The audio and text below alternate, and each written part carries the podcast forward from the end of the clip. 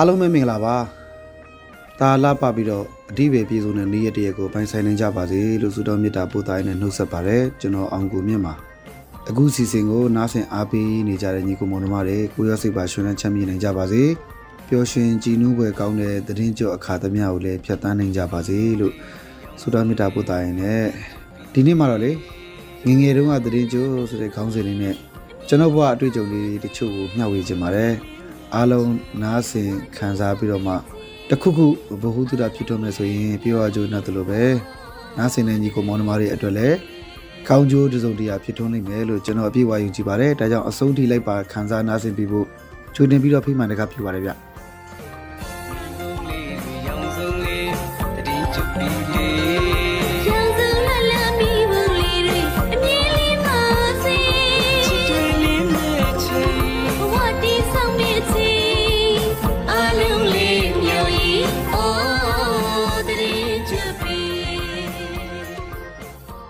အခုလ28ရက်29ရက်30ရက်ဟာကျွန်တော်တို့အားလုံးသိတဲ့သတင်းကြိုအခါသမယပေါ့နော်ငယ်ငယ်တော့သတင်းကြိုအကြောင်းပြောမယ်ဆိုရင်တော့ကျွန်တော်အတွေ့အကြုံကိုအပိုင်း၃ပိုင်းနဲ့ပြောရမှာဖြစ်ပါတယ်ပထမတစ်ပိုင်းကတော့စာသင်ခဲ့ရတဲ့အတွေ့အကြုံဒုတိယတစ်ပိုင်းကတော့မိသားစုနဲ့အတူတူထုံးနှံအစင်လာရဆောင်ရွက်ရတဲ့အတွေ့အကြုံတတိယနဲ့နောက်ဆုံးကတော့ကျွန်တော်တို့ငယ်ငယ်တုန်းကသတင်းကြိုအခါသမယမှာဒီကုံမောင်နှမတွေတငယ်ချင်းတွေနဲ့ကစားခဲ့ရတဲ့အတွေ့အကြုံ အဲ့ဒီအတွေ့အကြုံသုံးခုကိုတော့ချမ်းလက်ထားလို့ပဲဖြစ်မလဲနော်တတိချွေရလေးအမြင်ရှိပါရစေမိမလေးတွေလေးမစေစစ်တမ်းများတွေ့အမြင်လေးပါလေတတိချွေရလေးအမြင်ရှိပါရစေမင်္ဂလာပါရှင်မင်္ဂလာပါခင်ဗျာ မြန်မာစီနီမာအဘလက်တီနက်ဝက်ကထုတ်လွှင့်တဲ့ရီရီမောမောပေါ့ပေါ့ပပအစီအစဉ်ကနေကြိုဆိုလိုက်ပါတယ်ဒီအစီအစဉ်ကမြန်မာလူမှုနယ်ပယ်မှာမတန်ဆွမ်းမှုအသိပညာတွေမြင့်တင်ပေးနိုင်ဖို့မတန်ဆွမ်းအတိုင်းဝန်ကဖြစ်ရက်ဆုံးကဏ္ဍဆုံးကိုမတူညီတဲ့ရှုထောင့်ပေါင်းစုံကနေလွတ်လပ်ပွင့်လင်းတဲ့တွေးခေါ်ဆင်ခြင်နိုင်မှုတွေနဲ့မျှဝေလိုချသူတွေရဲ့အသံတွေကိုပြုစုပြောထောင်ဖော်ထုတ်ပေးနေခြင်းဖြစ်ပါတယ်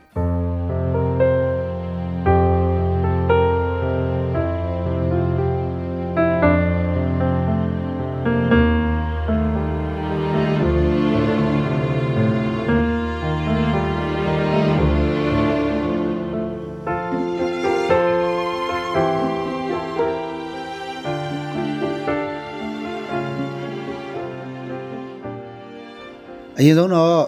စာသင်ခဲ့ရတဲ့အတွေ့အကြုံလေးကိုပြောပြချင်ပါတယ်စာသင်ခဲ့ရတဲ့အတွေ့အကြုံဆိုတာသတင်းကျွန်းနဲ့ပတ်သက်တဲ့အကြောင်းလေးကိုပြောပြချင်တာပါကျွန်တော်မှတ်ထားတာမမှားဘူးဆိုရင်တော့လေကျွန်တော်လေးတန်းမြန်မာဖတ်စာမလားမပြောတတ်ပါဘူးဗျာမိဘုံပြန်စီးတဲ့အကြောင်းကျွန်တော်တို့သင်ရတယ်သင်ရတယ်ဆီယာမကရှင်းပြတယ်ဆီယာတွေကရှင်းပြတယ်နားထောင်လိုက်တယ်မိဘုံပြန်ဘယ်လိုစီးတယ်ကောင်းကင်ဘဝတက်သွားတယ်ပေါ့ဗျာဘသူကစီးတယ်ပေါ့ဗျာဘလို့ဘလို့ဖြစ်တယ်ပေါ့ဗျာပညာရှင်တွေဘလောက်ဘလောက်ကျွမ်းတယ်ပေါ့ဗျာဒါတွေကို နားထောင်ရတယ်ပြီးတော့အလွတ်ကျက်ရတယ်အလွတ်ကျက်ရတော့စာရတာပေါ့စာရတော့စာမိဖို့မှာအဲ့တိုင်းဖြီတော့အမှတ်ရတာပေါ့အမှတ်ရတော့အောင်တာပေါ့ဗျာအဲ့တော့တတ်သွားတယ်ပေါ့ဗျာဒါပေမဲ့ဒီနေ့အတွေးခေါ်နေပြန်စဉ်းစားကြည့်မိတဲ့အခါမှာတော့အဲ့တုန်းကသင်ခဲ့ရတဲ့သင်ခန်းစာကျွန်တော်နားလေခဲ့သလားလို့ပြီးရင်အဲ့တုန်းကတော့စာရတယ်အမှတ်ရတယ်စာမိဖို့အောင်နေဆိုတာတော့အမှန်တရားပဲဒါပေမဲ့ကျွန်တော်နားမလေခဲ့ဘူးဆိုတာပြောရမှာဖြစ်ပါတယ်ကျွန်တော်ဘာကြောင့်နားမလဲခဲ့တာလဲတိတစ်ချက်ကတော့ကျွန်တော်ရဲ့အများကြီးမတန်ဆွမ်းမှုကြောင့်ပဲဗျာ မျက်စိမြင်တဲ့ကလေးတွေကတော့သူတို့ပုံတွေကိုကြည့်ရင်တော့နားလဲကောင်းနားလဲနိုင်တာပေါ့ကျွန်တော်တို့ကမြင်မှမမြင်ဘူးလားဘယ်လိုနည်းနဲ့မှစိတ်ထဲမှာပုံဖော်လို့မရဘူးနှုတ်ကပြောပြနေတာကိုနားထောင်ပြီးတော့မှစိတ်ထဲကအဲ့နားထောင်နေတဲ့အတိုင်းပဲကျွန်တော်လိုက်မှတ်ပြီးတော့မှဣတိမီချက်မှတ်တော့ရတာပေါ့ဗျာနော်အဲ့တော့ဆရာဆရာမတွေကကျွန်တော်တို့မျက်စိမမြင်တဲ့သူတွေကိုကျွမ်းကျင်ပိုင်နိုင်စွာသင်ကြားပြသပေးနိုင်ခြင်းမရှိဘူးလို့ကျွန်တော်မဆိုလိုပါဘူးလို့ဆရာဆရာမတွေမစော်ကားပါဘူး တိတစ်ချက်ကကျွန်တော်ရဲ့အများကြီးမတန်ဆွမ်းမှုကြောင့်ကျွန်တော်နားမလည်နိုင်တာဖြစ်တယ်လို့ပဲနေ့တစ်ချက်ကတော့ပညာရေးစနစ်ပေါ့အထူးသဖြင့်ကျွန်တော်တို့မျက်စိမမြင်တဲ့သူတွေကိုသင်ကြားပေးတဲ့ပညာရေးစနစ်ကိုပြောချင်တာပါအဲ့ဒီနှစ်ခုကြောင့်ကျွန်တော်တို့ကောင်းစွာနားမလည်ဘူးဆိုတာကတော့တကယ်ပဲကျွန်တော်တို့နားလည်ရမှာဖြစ်ပါတယ်ဒီနေ့ခေတ်ကြောင်းတက်နေကြတဲ့ဘဝတို့အများကြီးမတန်ဆွမ်းသူကျောင်းသူကျောင်းသားလေးတွေဘယ်လိုများပညာသင်ကြားနေကြသလဲလို့စဉ်းစားမိပါတယ်တခါတခါမြဲမြင်ကြောင်းနေသွားပြီးတော့မှလေ့လာကြည့်တဲ့အခါမှာ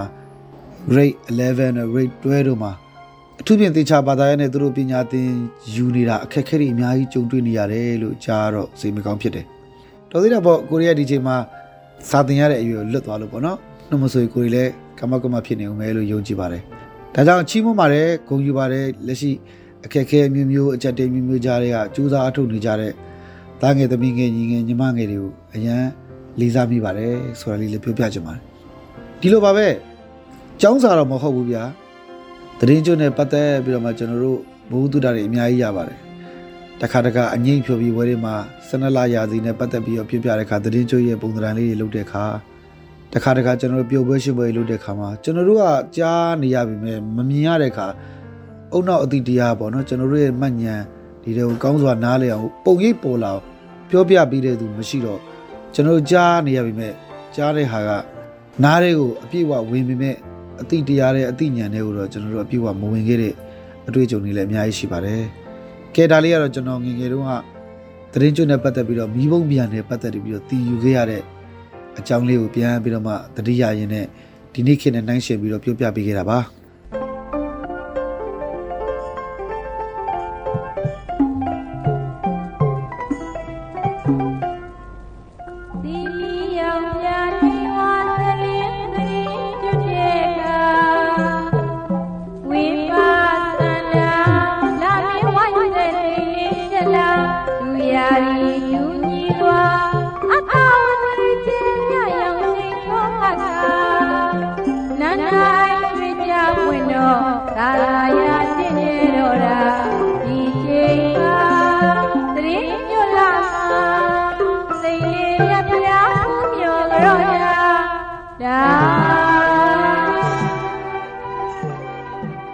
ဒုတိယတစ်ပိုင်းကတော့မိသားစုတွေနဲ့အတူတူထုံနှံအစင်လာရဆောင်ရွက်ရတဲ့လုပ်ငန်းစဉ်တွေမှာပါဝင်တာအဲ့ဒါဘာလဲဆိုတော့တနည်းအားဖြင့်ကြော့တာပေါ့ဗျာအဖေတွေအမေတွေအဖိုးတွေအဖွားတွေအတော်တွေတရင်ကျိုးဆိုရင်ကြော့ကြမယ်ကြော့ကြမယ်ဆိုလို့ရှိရင်တော့ဟိုလူသွားကြော့လိုက်ဒီလူသွားကြော့လိုက်အဲ့ဒီအစီအစဉ်တွေမှာပျော်ပျော်ရွှင်ရွှင်ပါဝင်ခဲ့ရတယ်အရန်ပျော်တာပဲเนาะဘာဖြစ်လို့လဲဆိုတော့မူဖို့ရတာဟုတ်ဗျ နော်ကြော့လိုက်ပြီဆိုရင်တော့မူဖို့ရတယ်ကြောဖို့ပစ္စည်းတွေကတော့အမေတို့အဖေတို့ကဝယ်ပေးတာဟုတ်နော်ကျွန်တော်တို့ကလက်အုပ်ချီပြီးတော့လက်ကလေးနဲ့ကြောလိုက်တာနဲ့ငိုဖို့ရတယ်ဗျအဲ့တော့ကြောပေးလိုက်တဲ့ပစ္စည်းကဘယ်လောက်တန်ဖိုးရှိလဲဘာလဲညာလဲမသိဘူးကျွန်တော်တို့ကတော့ငိုဖို့ရတာပေါ့နော်အဲ့တော့ငိုဖို့ရပြီဆိုရင်သတင်းကျွမ်းမှာရတဲ့ငိုဖို့တွေပေါင်းလိုက်လို့ပမာဏတစ်ခုရပြီဆိုရင်အဲ့သတင်းကျွမ်းမှာကစားဖို့အတွက်အဆင်ပြေသွားတာပေါ့ဗျာနော်အဲဒါကငငယ်တုန်းကပေါ့ဗျာနော်ငငယ်တုန်းကကြောခဲ့တဲ့အစီအစဉ်လေးတွေ သတင်းကျွမ်းရောက်ပြီဆိုရင်ကြူပြီးကြောကြတယ်တခါတခါသတင်းကျွမ်းကြိုပြီးမှကြောခံမဲ့ဦးလေးတွေတော်ရီရောက်လာလို့ပြန်ပြီးကြောကြတယ်ဘာဖြစ်မဟုတ်ဘူးရတာပေါ့ဗျာနော်အဲအဲ့ဒီအခြေအနေကတော့ပြောရတယ်ကြောချင်းအနှစ်သာရကိုခဏထားမဟုတ်ဘူးရတာကအဓိကဆိုတဲ့ခံယူချက်နဲ့အဲ့ဒီကေအဲ့ဒီခါတော့အဲ့တိုင်းပါပဲလို့ဒီနေ့ခေတ်ကြတော့ပေါ့ဒီနေ့ခေတ်ကြတော့ကျွန်တော်တို့ တစ်ခါတစ်ခါကြရင်တော့မကြောပဲမဟုတ်ဘူးရတာရှိပါတယ်ဗျာနော်အဲအမေစီကရတာရှိတယ်အမစီကရတာရှိတယ်တစ်ခါတစ်ခါကြတော့အဲကျွန်တော်ရဲ့ညီစီကရတာရှိတယ်အဲ့ဒါတော့သတင်းကြွပဲဖြစ်ဖြစ်ဘာပဲဖြစ်ဖြစ်ပါမကြော်ပဲတော့ရတော့ရတယ်ဒါပေမဲ့ဒီနေ့ခေတ်မှာကျတော့အရင်တုန်းကလို့ပေါ့အဖိုးတွေအဖွားတွေအတော်တွေကိုကြောရတာမရှိတော့တလောက်ရှားသွားပြီဘုံဘိုးလည်းမရတော့ပါဘူးကိုကဘုံဘိုးပြန်ပေးရတဲ့အခြေအနေကိုရောက်လာတယ်ကလေးတွေ ပတ်ဝန်းကျင်မှာရှိတဲ့ကလေးတွေရင်းနှီးနေတဲ့ကလေးတွေတူတွေတူမတွေလာကြတော့ပြီဆိုရင်ဘုံဘိုးပေးရတာပေါ့နော်อืมအဲ့ဒီတော့လေဒီရွယ်ကျတော့ budget ခြံထားတဲ့အခြေအနေပေါ့နော်ဖြစ်လာတဲ့အခြေအနေဖြစ်ပါတယ် မနေ့ကတော့မှကျွန်တော်ဦးလေးတက်ကပြောပြတယ်အဲတတိကျွတ်တစ်ခါရောက်ပြီဆိုတော့တသိန်းလောက်ကုန်နေกว่าတစ်ခါတစ်ခါတသိန်းခွဲလောက်ကုန်နေဆိုပြီးအဲသူအဲ့လိုမျိုးပြောပြောတာလေးကြားမိပါတယ်အဲ့တော့သူလည်း budget ချန်ရတယ်ကျွန်တော်လည်း budget ချန်ရပါတယ်သူတွေတူမတွေလာကြတော့ကြတယ်တစ်ခါတစ်ခါအိမ်နီးသားချင်းတွေလာကြတော့ရတယ်အခြေအနေလေးပြောင်းသွားတာပါ ငယ်ငယ်တော့ကတော့တတိကျွတ်ကတော့ပူပြောဖို့ကောင်းတော့ဗောနော်ကိုကရတာဟုတ်ကဲဒါလေးကတော့ကျွန်တော်ရဲ့တတိကျွတ်အခါသမယမှာမိဘဆွေမျိုးတွေနဲ့အတူတူထုံနှန်းဆင်လာရပါဝင်ခဲ့ရတဲ့အတွေ့အကြုံလေးကိုမျှဝေပေးလိုက်တာပါဗျ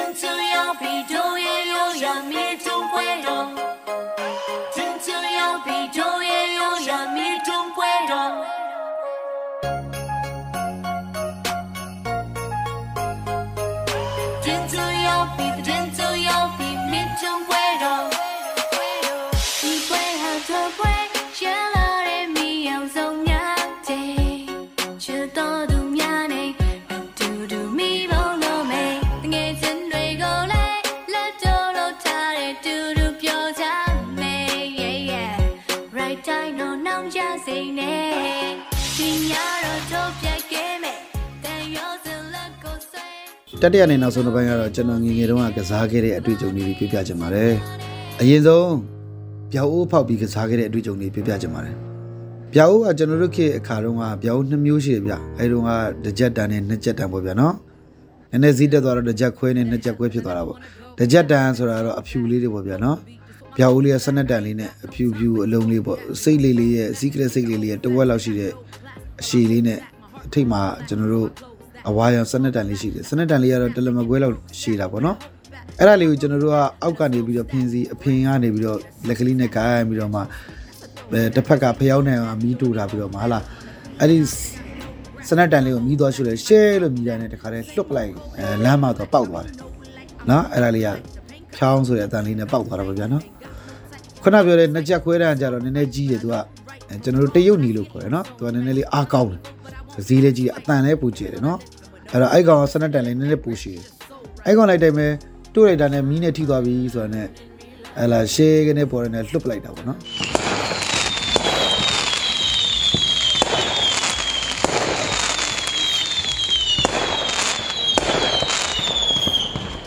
အဲ့နှစ်ခုလုံးကိုကျွန်တော်လက်ထဲမှာထားကင်ထားလို့လည်းရတယ်ဗျ ကင်ထားလို့ရအိုးကနေကင်ထားရင်တော့လက်ကတုံသွားတာပေါ့ဗျာနော်အဲခုနတကြက်တန်အဖြူလေးရတာနည်းနည်းပြော့တာပေါ့ဟိုကောင်ကဆိုပို့ပြီးတုံခါလက်တော့မလောင်ဘူးဗျတော့တုံသွားတာပေါ့နော်လွင့်ထွက်သွားတာပေါ့လက်ကလေးလည်းနည်းနည်းတုံသွားပြီနည်းနည်းလေးတော့ပူသွားတာပေါ့အဲ့လောက်ဒီတတိရှိရှိနဲ့လက်ထဲမှာတော့ဖောက်တဲ့ကစားခဲ့တဲ့နီလန်းကိုကျွန်တော်ကစားခဲ့တယ်ဗျအဲ့ဒါမျက်စိမြင်ဖို့တော့မလိုဘူးဗျကိုယ့်လက်ကကိုဖျောင်းနိုင်ကိုထောင်ပြီးတော့ကင်ထားတယ်ဖျောင်းနိုင်တဲ့ ဒီစနက်တန်နဲ့ဥပမာဘယ်ဘက်ကဖျောင်းနိုင်ကနေဆိုညာဘက်ကကျွန်တော်တို့ခုနပြောတဲ့ဗျောက်အိုးကိုကင်ပြီးတော့စနက်တန်နဲ့တိုးလိုက်မီးနဲ့ထိသွားပြီးတော့မီးနဲ့ထိတာနဲ့ရှယ်ကနေမြည်တာပဲလေအဲ့ဒါပြစ်ရင်ပြစ်ချင်းပြစ်မပြစ်ရင်ကင်တာကင်ထားရင်မျက်နှာနာတော့မကင်နဲ့လက်ကိုစပ်ပြီးကင်တာပေါ့ဗျာမျက်နှာကိုတော့တစ်ဖက်ကိုလှည့်ထားရတာပေါ့ဒါကြကြရင်ဆင်သွားမှာဆိုလို့လေအဲအဲ့လေကုကုကိုလေအန်ဒီယေကိုကြည့်ရှောင်ခဲ့ရသေးတာပေါ့နော်အဲအဲ့ဒါအဲ့ဒါငငယ်တော့ကစားခဲ့တာဗျပထမအဆုံးကစားခဲ့တဲ့နီလန်ဒီနီလန်နဲ့မကဘူးဗျနောက်တစ်ခုကတော့ကျွန်တော်တို့ဖျောင်းတိုင်မှာအဲ့ဒီ မီရှူမီပေါင်းစိန်ထားတာစိန်ထားတာနော်အဲကျွန်တော်တို့ကတွန်းတွန်းအဲတွန်းနှန်းကြိုးလေးနဲ့သူ့မှာပါပြီးသားတွန်းနှန်းကြိုးလေးကိုတခါတစ်သားထုတ်မှာဆွဲပြီးတစ်သားထုတ်ကချီပြီးတော့နည်းနည်းလေးဝေးဝေးနဲ့ဖျောင်းနိုင်လို့စိန်ထားအဲ့ဒါ9မိနစ်တခါတခါ7မိနစ်လောက်စိန်ရတယ်စိန်ထားပြီးရင်သူကမီလုံးကြီးထွက်လာတဲ့ဒါလည်းသူအချိန်ပြည့်သွားပြီဆိုရင်နော်မီလုံးကြီးအကြီးလင်းပြီးတော့အဲ့မှာ3-4မိနစ်5မိနစ်လောက်အကြာကြီးလင်းပြီးမှနှိမ်သွားတာပေါ့အဲအဲ့ဒီအဲ့ဒီမီဘန်တစ်မျိုးလည်းကစားခဲ့သေးတယ်ဗျာနော် ဆိုတော့အဲ့မီဘန်ကစားအဲ့မီဘန်ကစားလို့ရှိရင်ကျွန်တော်တို့ကအဲ့မှာစိန်ပြီးလင်းလာဟာတော်တော်ကြီးလေးထိန်သွားလင်းနေပြီးအဲ့ဒါအပေါ်မြှောက်ပလိုက်ပြီးတော့အောက်ကိုကြေးကြလာပြီးတော့ဖွာနေကြေးပြီးမြေကြီးမှာပြန့်သွားတယ်တခါတခါအဲ့ဒါလေးတွေကိုဖနှောက်နဲ့လိုက်ရိုက်တယ်ဖုတ်ဖုတ်ဆိုပြီးတော့အဲအဲ့လိုမျိုးလေးတွေစော့တာပေါ့တခုတော့ရှိတာပေါ့ဗျာအဲ့လိုမီးတောက်လာပြီဆိုလို့ရှိရင်လင်းလာပြီဆိုတော့ကင်ထားရင်ကင်ထားပေါ့အဲအပေါ်ပြစ်မယ်ဆိုရင်တော့ပတ်ဝန်းကျင်မှာလူလန်းလျှောက်လာသလားလူတွေလာနေသလားစပိန်တွေလာနေသလားအဲ့ဒါကိုတော့မျက်စိမြင်တဲ့သူတွေကပြောပြမှရမှာနှုတ်မဆိုလို့ရှိရင်တက်တက်မဲ့အဲ့ဒါကို သူများအနာရရဖြစ်ရင်ကိုပါဟလာအဲရဲစကန်ရောက်ပါရောက်ရရောက်ပြဿနာရှင်းရမယ်ကိစ္စတော့ဂျုံနိုင်တာပေါ့နော်ဆိုတော့အဲ့ဒါမျိုးလေးတွေဂျုံတတ်ပါတယ်အဲဒါငငယ်တုန်းကကစားတာနောက်တစ်ခုဒါတွေမဲလားဆိုဟိုကျွန်တော်တို့ခုတငယ်စဉ်ကပေါ့ဗျာဗျာဦးမဖောက်ခင်တုန်းကတော့ကျွန်တော်တို့ဗျာဦးတွေမကင်ကင်ခွင့်မရခင်တုန်းကတော့ဘာလုပ်ရသလဲဆိုတော့ကျွန်တော်တို့ယုံလေးတွေမော်တော်ကားလေးတွေမိဘုံလေးတွေတော့မှဖျောင်းနိုင်လေးထုံးပြီးတော့ကျိုးလေးနဲ့ဆွဲတာတို့ဟိုတင်သားချောင်းလေးနဲ့တွန်းရတာတို့ဒါအတော်ဒီဝယ်ပြီးတာပေါ့နော် ဒါတွေကိုအရင်စဆော့ရတာဒါတွေပြီးမှအစင်ကဗျာဦးဗျာဦးဖောက်တဲ့အစင်ဗျာဦးတွေနဲ့စိုးတဲ့အစင်ကိုရောက်လာတယ်ဗျာဦးပြီးတော့မြေရှူမီပန်းတွေတက်လာနောက်ပိုင်းတစ်ပြေးပြေးနည်းနည်းလေးတိုးတက်လာတော့ rocket ဆိုပြီးကျွန်တော်တို့ခေါ်ကြတယ်ဗျာနော်အဲ့ဒီမှာမြေကြီးမှာစိုက်ထားတယ်မြေကြီးမှာစိုက်ပြီးချွန်ချွန်လေးနဲ့စိုက်ထားပြီးတော့စောင်းစောင်းလေးပေါ့ဗျာနော်စောင်းစောင်းလေးစိုက်ပြီးတော့မှမီးသွားတုပ်ပြီးတော့မှအဲ့ဒါကြတော့ကျွန်တော်တို့ကိုယ်တိုင်တုပ်လို့မရဘူးတခါတခါကျတော့စိုက်တာကိုယ့်အောင်စိုက်လို့ရပါမယ်တို့တာမျက်စိမြင်တဲ့လူတော့သွားတုပ်ပြီးမှရမှာဗျအဲ့ဒါသွားတုပ်ပြီးတော့ အဲ့ဒါကြီးကမီးလောင်ပြန်တယ်ရှူးဆိုပြီးတော့အချိန်အုံနဲ့ကောင်းကင်ကိုတက်ပြီးတော့ဖောင်းဆိုပေါက်သွားတာပေါ့နော်ဆိုအဲ့ဒါမျိုးကြီးလဲစော့တတ်တယ်ဗျအဲ့ဒါမျိုးစော့ခဲ့ဘူးပဲနော်အဲ့ဒါတွေကဒီဒီလိုမျိုးစော့ခဲ့ဘူးလား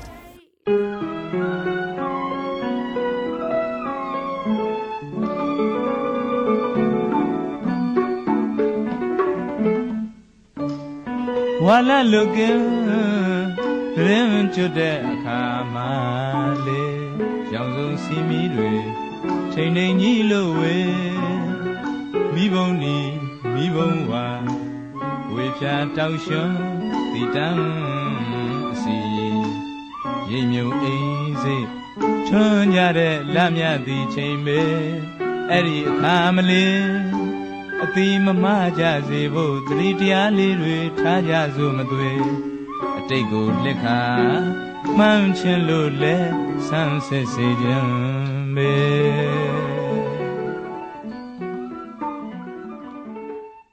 နောက်ပိုင်းတက်ဆင့်ထက်တက်လာတယ်အဲ့ဒါဘာလဲဆိုတော့ကျွန်တော်တို့မီးဘုံပြန်လွှတ်တာပေါ့နော်အဲ့ဒါမီးဘုံပြန်လွှတ်တာသူများတွေမီးဘုံပြန်လွှတ်တယ်မီးဘုံပြန်လွှတ်တယ်ဆိုတာတော့ကြားနေရတယ်ဒါပေမဲ့ကိုကမမြင်ရဘူးလေမမြင်ရတော့ဘာမှမသိပါဘူးကြာနော်ဘယ်လိုလွှတ်တာလဲဘယ်လိုပုံစံမျိုးလဲမသိပါဘူး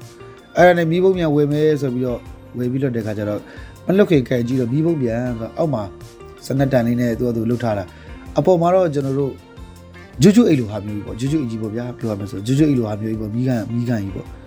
အဲ့မှာအဲ့ဒါလေးကိုကျွန်တော်လက်ကလေးနဲ့ကားထားပြီးအောက်ကနေပြီးတော့ဖျောင်းနေထွန်းလိုက်တာဆိုဖျောင်းနေလို့လည်းမှာမီးကိုတွေကတက်တက်လာပြီးတော့မှအဲ့မှာသွားသွားပြီးတော့မီးကိုတွေပြည့်ပြည့်လာတော့အဲ့ဒီဂျူဂျူကြီးကဖောင်းလာကြိုက်ထားတာကြိုက်ထားတာဟာဖောင်းဖောင်းဖောင်းဖောင်းဖောင်းလာတယ်တပြေးပြေးနဲ့ဂျူဂျူကြီးကကားပြီးထီးလို့တခါလဲပြန်ပြီးတော့အထက်မှာဖောင်းပြီးတော့မှနောက်ဆုံးတပြေးပြေးနဲ့ပြည့်လဲပြည့်သွားတပြေးပြေးနဲ့အပေါ်တက်လာဟာမီးရလဲမှာရဲပြီးတောက်နေအပေါ်တက်လာအပေါ်တက်အပေါ်တက်ပြီးတော့ အပေါ်တက်တော့သူတဲ့တယ်ပဲတက်မလဲဆိုတော့လေတိုက်ရပါပါသွားတာပေါ့နော်ယူယူသွားပြီးအောက်ကနေကျွန်တော်တို့ကျွန်တော်တော့အလင်းအောင်မြင်ရတာဟာပြည့်ပြီးတက်သွားတယ်တက်သွားတယ်တက်သွားတယ်တက်သွားပြီးတော့အဲ့ဒါအနာကကျွန်တော်ဦးလေးကကျွန်တော်တို့စော့နေချိန်မှာဘာပြောလဲဆိုတော့မင်းတို့အဲ့ဒါစော့တယ်နော်တဲ့အဲ့ဒါတွေရတယ်ရက်ွက်ထဲမှာသိစော့လို့မကောင်းဘူးတဲ့တော့ကြကြရင်လည်းသူများအိမ်ပေါ်ပြုတ်ကျသွားရင်မီးလောင်လို့ရှိရင်တဲ့အဲမင်းတို့ရဲ့ရုံရောက်ဂတ်ရောက်တဲ့အဖမ်းခံရမယ်ဘာဖြစ်တယ်ညာဖြစ်တယ်ပြောတော့စိတ်ထဲမှာလန့်သွားကြောက်တယ်ဟာဟုတ်တာပေါ့မတော်တဆပြန်ပြီးပြုတ်ကျလာရင်သူကောင်းကင်မော်တက်တာဘယ်လောက်ညံတက်နိုင်မှာမလို့လဲ တယောက်ကလည်းမဟုတ်ပါဘူးတော့သူမင်းငိမ့်သွားရင်ဘာဖြစ်ပါဘူးဆိုပြီးတော့အဲ့လိုနဲ့ကြည်နေတပြေးပြေးနဲ့အိမ်နောက်ဘက်ကနေစောင်းစောင်းသွားပြီးတော့ကျွန်တော်မမြင်ရတော့ဘူးဗျာဒီချိန်မှာဘာပြုတ်ကြသွားလဲမသိပါဘူးပြောချင်တာလေဒါပေမဲ့တေချာတာအဲ့လိုစော့ရင်းနဲ့ပဲစိတ်ထဲမှာပူရတယ်အော်တနေ့ပြန်ပြုတ်ကြလိုက်ဒုက္ခဆိုပြီးတော့ဒါမျိုးတွေကြုံလာတယ်တစ်ဆက်တည်းမှာပဲကျွန်တော်ဘာပြန်ပြီးသတိရလိုက်လဲဆိုတော့ငငယ်တုန်းကစာသင်ခဲ့ရတဲ့မီးဘုံပြန်ချောင်းဩငငယ်တုန်းကသင်ခဲ့တဲ့မီးဘုံပြန်ဆိုတာမီးအကွေတွေအဲ့လိုပဲ ပြည့်လာလို့ရှိရင်ကောင်းကင်ဘုံတပြေးတက်သွားအောင်လူအပေါ်မှာစီးလို့ရအောင်တခုခုတော့ပြင်ဆင်ထားမဲ့အစီအမံတွေရှိမှာပဲဆိုပြီးတော့နည်းနည်းလေးသဘောပေါက်လာတယ်ငယ်ငယ်တုန်းကစာသင်ခန်းထဲမှာသင်ယူခဲ့ရတဲ့မိဘုံပြန်စီးတဲ့အကြောင်းကကိုယ်တိုင်မိဘုံပြန်ကိုလက်နဲ့ကင်ကျွဲထိတွေ့ပြီးတော့မှအတူတူလှုပ်ပြီးတော့ကစားခဲ့တဲ့အခြေအနေကြတော့မှနားလေလာတယ်ဒါငယ်ငယ်တုန်းကစာသင်ခဲ့ရတဲ့ဒီကြောင့်ကနောက်ငယ်ငယ်တုန်းကကစားခဲ့တဲ့အတွေ့အကြုံဒီအဲ့ကြမှာသဘောပေါက်တယ်ပြောချင်တာကမျက်စိမမြင်တဲ့ကျွန်တော်ရဲ့မတန်ဆွမ်းမှုကြောင့် ကျွန်တော်တို့မျက်စိမမြင်တဲ့သူတွေကလက်နဲ့ကင်တွေ့ပြီးတော့ကြည့်မှနားလေတာပေါ့နော်ပြောချင်တာကတော့ခိုင်တွေစမ်းသပ်မှုမရရင်ပါဇက်ကနေပြီးတော့ဘယ်လိုပဲရှင်းပြရှင်းပြကျွန်တော်နားမလည်နိုင်ဘူးဒါလေးကတော့ကျွန်တော်တို့အတွက်လိုအပ်ချက်တစ်ခုလိုပဲပြောရမှာပေါ့နော်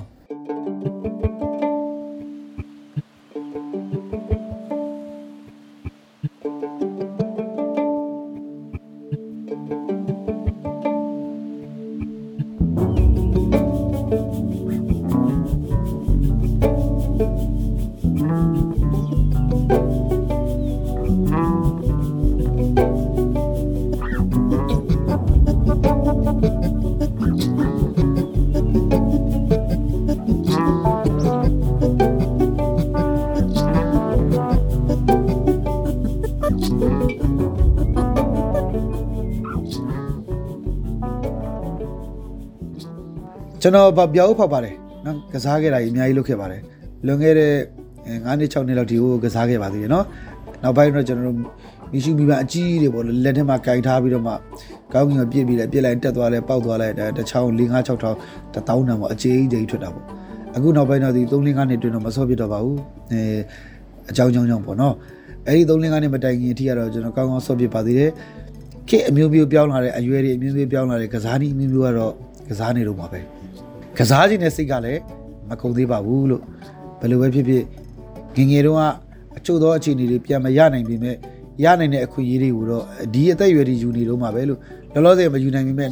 ညောင်တစ်ချိန်ထပ်မှန်ကြရလာမယ်သတင်းကြအခါသမယတွေမှာလည်းပဲငယ်ငယ်တုန်းကလို့ပြန်ပြီးတော့မှကစားခွင့်တွေရအောင်မယ်လို့အပြည့်အဝယုံကြည်ပါတယ်အစိုးအထိလိုက်ပါနားဆင်ပေးကြတဲ့ညီကောင်မောင်နှမတွေအားလုံးကျေးဇူးအများကြီးတင်ပါတယ်ပျော်ရွှင်သားရာကြည်နုပဲကောင်းတဲ့သတင်းကြအခါသမယဖြစ်ပါစေ